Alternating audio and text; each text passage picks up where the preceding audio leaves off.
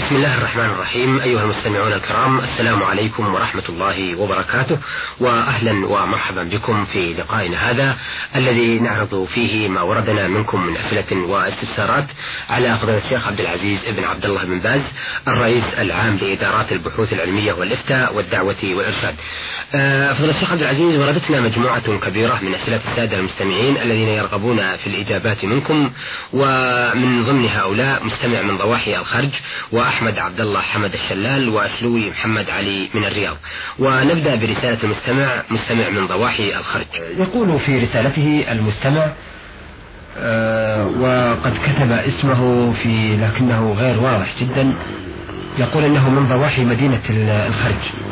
آه يقول في رسالته هل اللحوم أو لحوم الدجاج والأغنام المستوردة من الخارج حلال أم هي حرام؟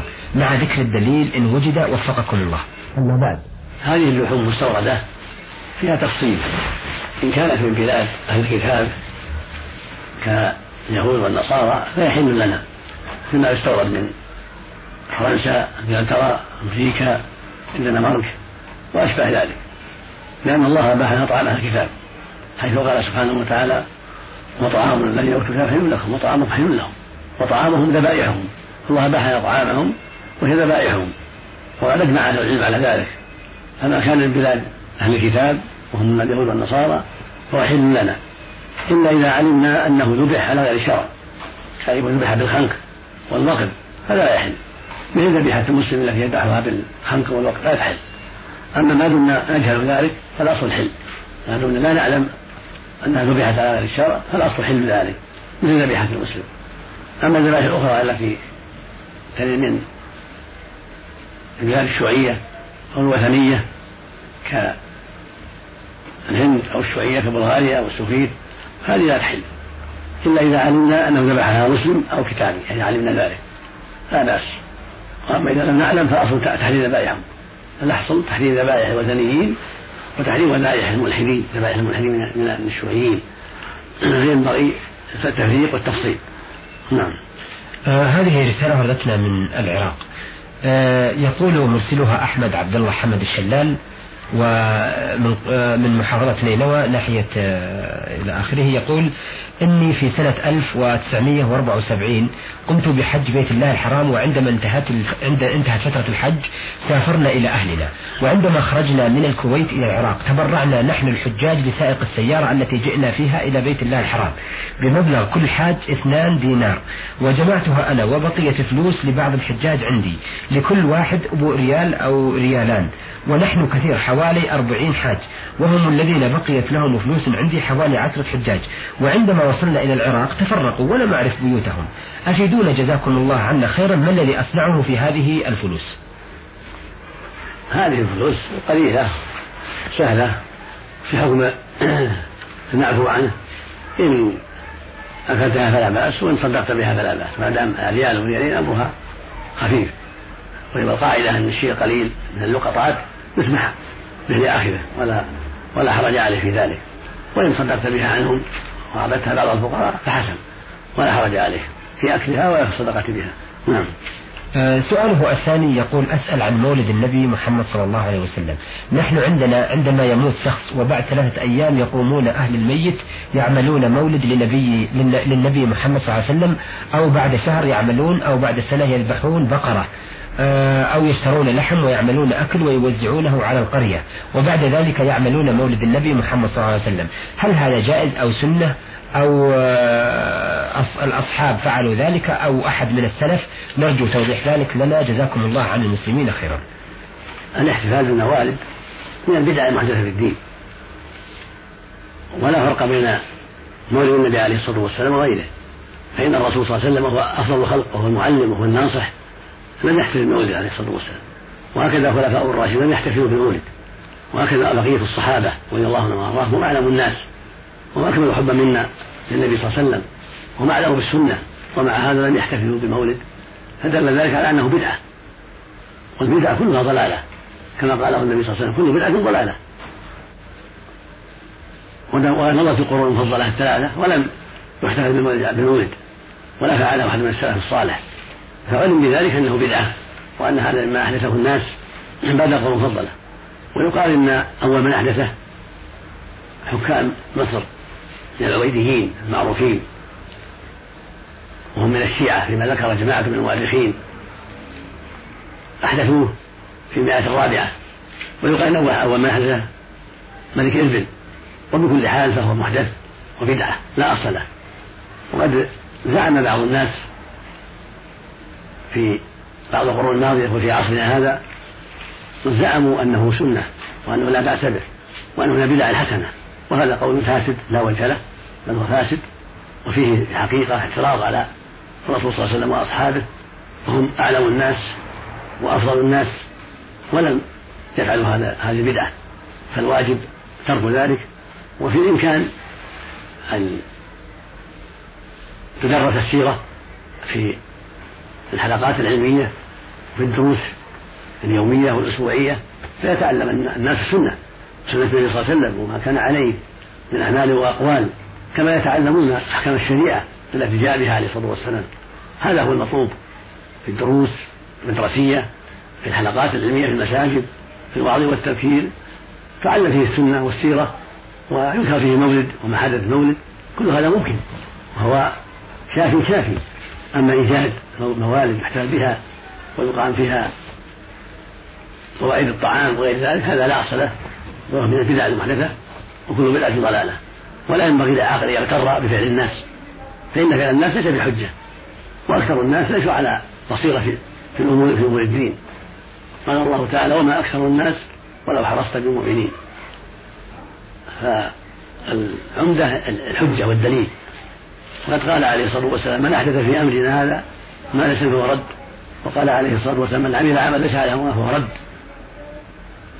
والدراسة لأحوال النبي صلى الله عليه وسلم وسيرته وما جرى في مولده وفي هجرته كل هذا يفعله العلماء في المدارس وفي الحلقات العلمية وفي التذكير والمواعظ من غير حاجة إلى إقامة الموالد التي ابتدعها المبتدعون ويقع فيها في بعض الأحيان من الشرك والغلو. ما لا يعلمه إلا الله. يقع فيها أنواع من الشرك. كذلك يقع فيها أنواع من الشرور في بعض الأحيان. فيجب قفل هذا الباب وسد هذا الباب. وأن يكتفى بالدروس الإسلامية في المساجد وفي حلقات العلم وفي التذكير والوعظ في جميع شؤون الدين وفي كل ما يتعلق بالسنة وأحكامها. هذا هو الحق. وما فعله بعض الناس اليوم قبل اليوم من الاحتفالات بمولد النبي صلى الله عليه وسلم أو بمولد البدوي أو الشيخ عبد القادر أو فلان أو فلان كله بدعة كله لا أصل له والواجب تركه. عملا بقول النبي صلى الله عليه وسلم من عمل عمل ليس على عليه أمره فهو رد. وبقوله عليه الصلاة والسلام كل بدعة ضلالة. نعم. آه هذه رسالة وردتنا من شلوي نعم شلوي محمد العلي من الرياض. يقول في رسالته أرجو عرض رسالتي هذه على سماحة الشيخ عبد العزيز بن باز حفظه الله خاصة ونرجو أن يعالج هذه الرسالة معالجة وافية. يقول بعض المبتعثين إلى الخارج يذهبون بزوجاتهم معهم فمنهم من يجبر زوجته على التكشف خشية الضحك عليهم والتندر بهم من الغرب حتى إن الزوجات يجتمعن مع أزواجهم جميعا ويأكلون ويشربون ويتندرون بل إن بعضهم يقبل زوجة صديقه أو زميله وهو ينظر. ولا ولا بأس عندهم في ذلك. نرجو معالجة ذلك عبر برنامجكم نور على الدرب وفقكم الله. لا شك أن هذا الأمر الذي ذكره السائل منكر ولا يجوز فإن الواجب على الرجل أن يكون عنده غيرة وأن يكون عنده حرص على عفة زوجته وبعدها عن مواضع الخطر وأن تكون بعيدة عن التبذل وعدم الحجاب بل يلزمه أن يقوم عليها وأن يوجهها الخير وأن تحتجب أينما كانت سواء كان في بلاد المسلمين أو في بلاد الكافرين مع زوجها. الواجب على الجميع التأدب بالآداب الشرعية والتقيد بها في كل مكان ومن ذلك الحجاب آه، وعدم الاختلاط بالأجناب من أزواج الزملاء.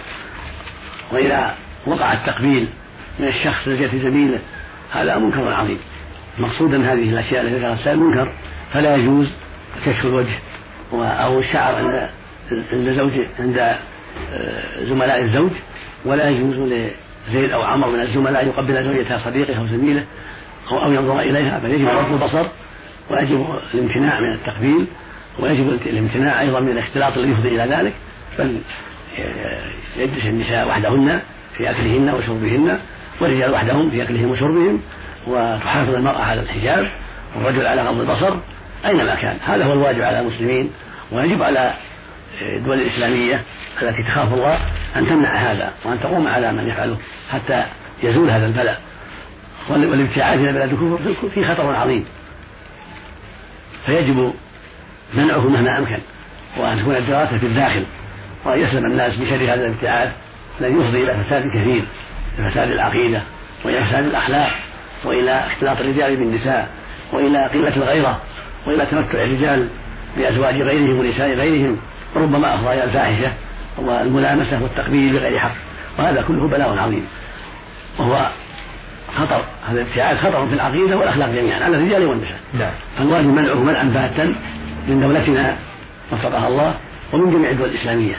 وعلى أولاد المبتعثين أو على آباء المبتعثين آه، نصيحتهم بهذا وألا يوافقوا على ابتعاثهم ما أمكن ولو على حساب الآباء أو حساب المؤسسات أو ما أشبه ذلك بل يجب التقيد بالتعلم في بلاد الإسلام وفي المدارس الإسلامية والجامعات الإسلامية التي فيها الخير وفيها الكفاية.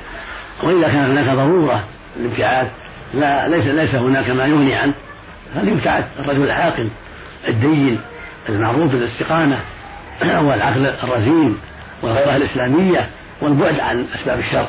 فيبتعث هذا وحده أو مع زوجته المستقيمة عند الضرورة. هذا لا حرج فيه إن شاء الله عند الضرورة. يكون داعية إلى الله وموجها إلى الخير ويتعلم الشيء الذي تدعو الضرورة يتعلمه وزوجته معه تعينه على العفة والسلامة ويتحدث معها ويتحدث معه ويعلمها ويفيدها ويوجهها إلى الخير.